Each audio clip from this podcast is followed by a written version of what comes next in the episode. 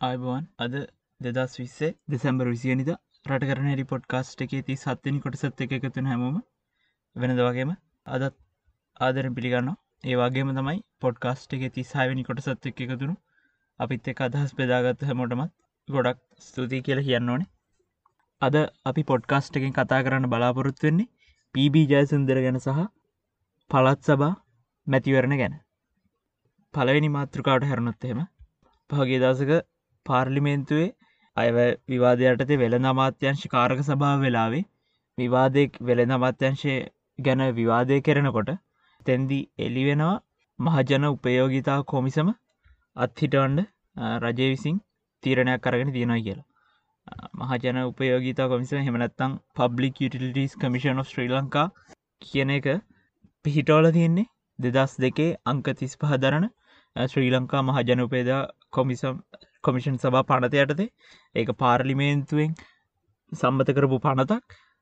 එතකොට මේ කොමිසමේ වැදගත්කම වෙන්නේ මේ මහජන උපයෝගිතා කොමිසම විසින් තමයි ඒක හරහ තමයි ලංකාවේ විදුලිය කොට ජලය තෙල් වගේ දේවල් ගැන තීරණ ගන්නේ. ඒව ගැන ප්‍රතිපත්ති සම්පාධනය කරන්නේ මේ කියන මහජන උපයෝගිතා කොමිසමෙන්. ඒවා නියාමනය කරන්න බලය තියෙන්නෙත් මේ මහජන උපයෝගිතාව කොමිසමට. තකොට ශ්‍රී ලංකා විදුලි බලමණ්ඩලට විශේෂයෙන්ම දීර්ඝකාලීන සැලසුම් හදන්නේ. එකන්නේ අවුරුදු විස්සකට තිහකට එහා යන්න සැලසුම් හදන්න බලය තියෙන්නෙත් මේ කියන මහජන උපයෝගිතා කොමිසමට. එකොල්ලන්ගේ වෙබ්සයිට් එකට ලිංක එක අපි ඩිස්ක්‍රපෂන් එක දාන්නම්. එකට ගිහිල්ල පොඩ්ඩක් බලන්න. මේ ජලය විදුලිය තෙල් කියන අංශ ගැන එකොල් අරගෙන තියෙන තීරණ මොනවාද? හදල තියෙන ප්‍රතිපත්ති මොනවාද?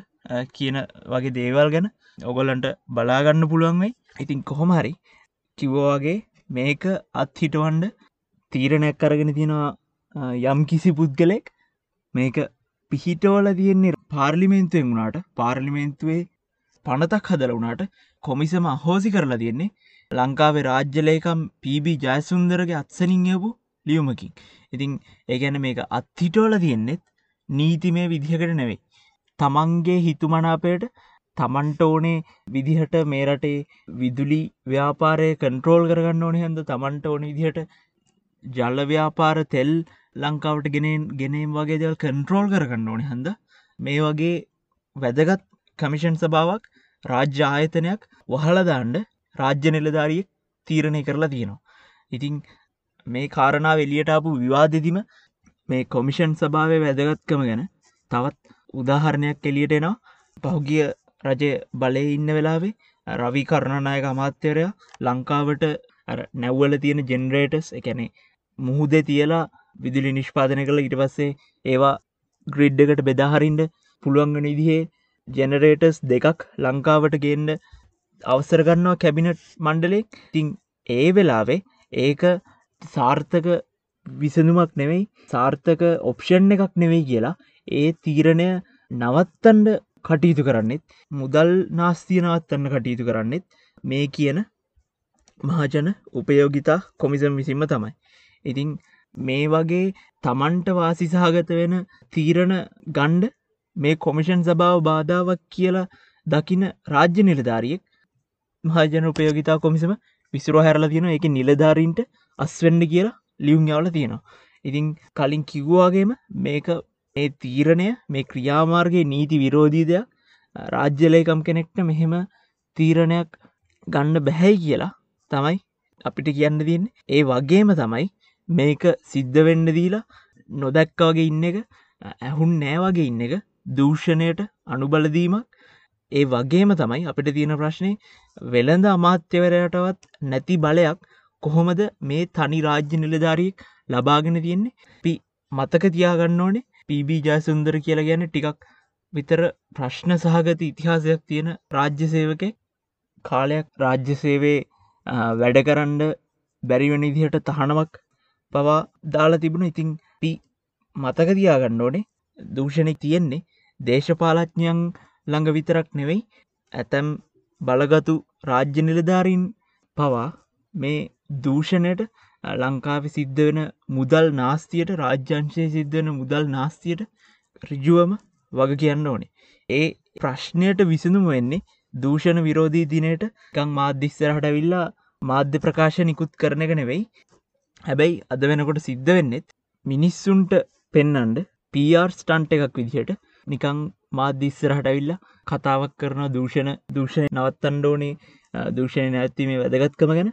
හැබැයි ප්‍රායෝගික තටම තීරණ ගණ්ඩිහාම තමන් වට ඉන්න මිත්‍රයන්ට තමන් වට ඉන්න රාජ්‍යනිලධාරීන්ට අවශ්‍ය නිදිහට මිනිස්සුන්ගේ බදමුදල් නාස්ති කරන්න වටපිටාවක් තාමත් දේශපාලන ඇතුළේ තියෙනවයි කියලා පිට මේකෙන් පෙනියන මේක ඒකට හොඳ උදාහරණය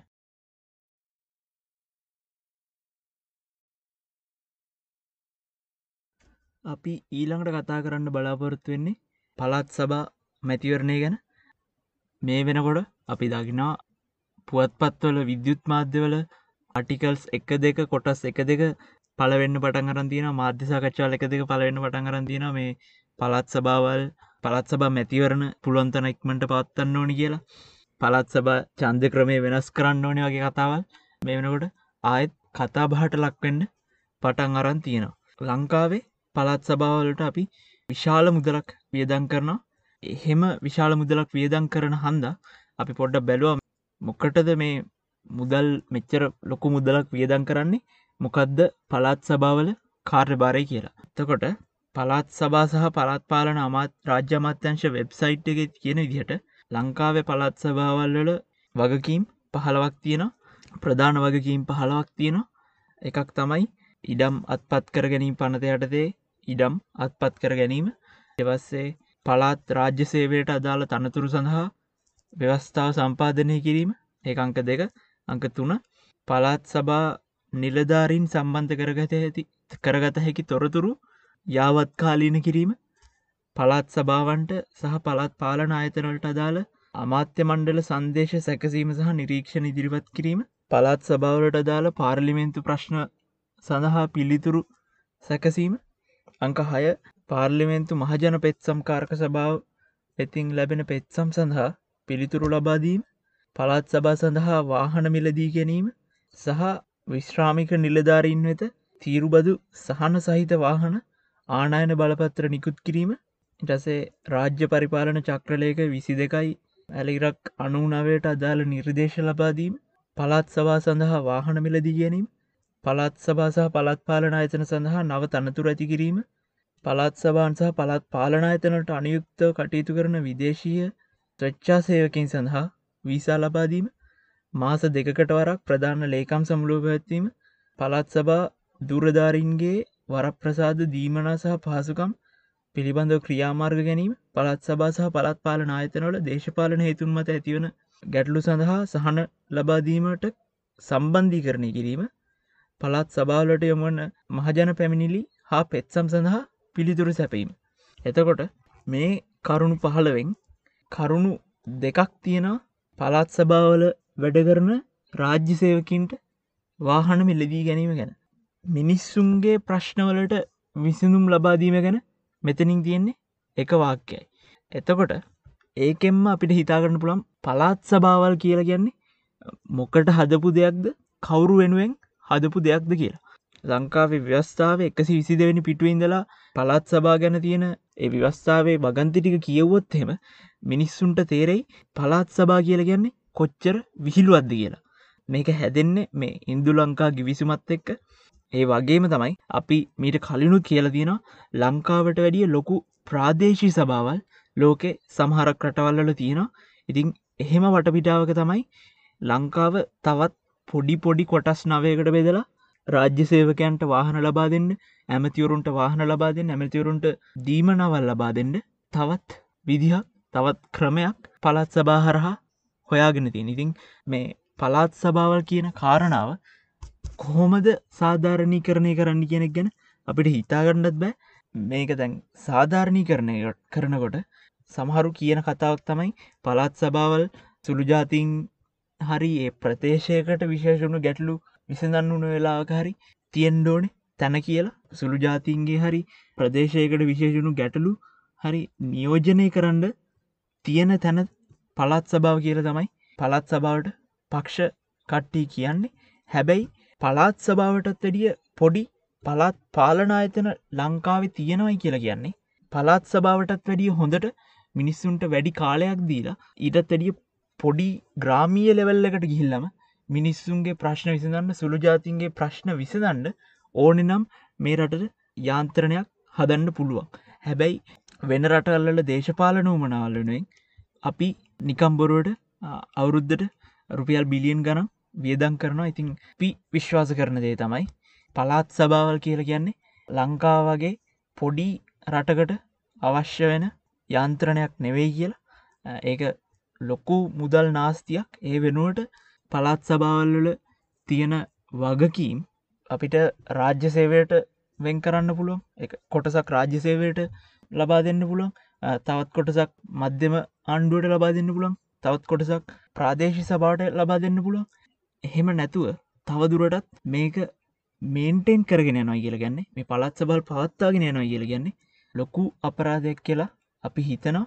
දැන් අවුරුදු දෙකක් වෙනකං මේ පළත් සභාවල් නැතුව පළත් සබල් ගැන පළත් සභාවල දේශපාලන අධිකාරිය නැතුව ලංකාවේ පරිපාලනය හොඳට රන්නුණ යම්කිසි අඩුපාඩු අඩුපාඩු තිබ්බට ලොකු අඩුවක් නොදැනී පරිපාලන සේවය ඉස්සරහට ගෙනියන්න රටකට පුළුවන් වෙලා තියෙනවනම් ඇත්තටම පළත් සභාවල් කියන ලංකාවට අවශ්‍යද කියලා අපි ප්‍රශ්න කරලා බලන්න ඕනේ.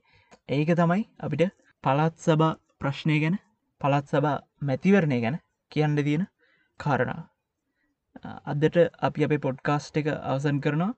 පොඩ්කාස්ට් එක ති සත්වනි කොට සත් එක් එකතුන හැමෝටම වෙනදවාගේම ගොඩක් ස්තුතියි. නවතත් පොඩ්කාස්ට් එක තිස්සටයින් කොටසෙන් හමනකම් හැමෝටම අයිබෝන්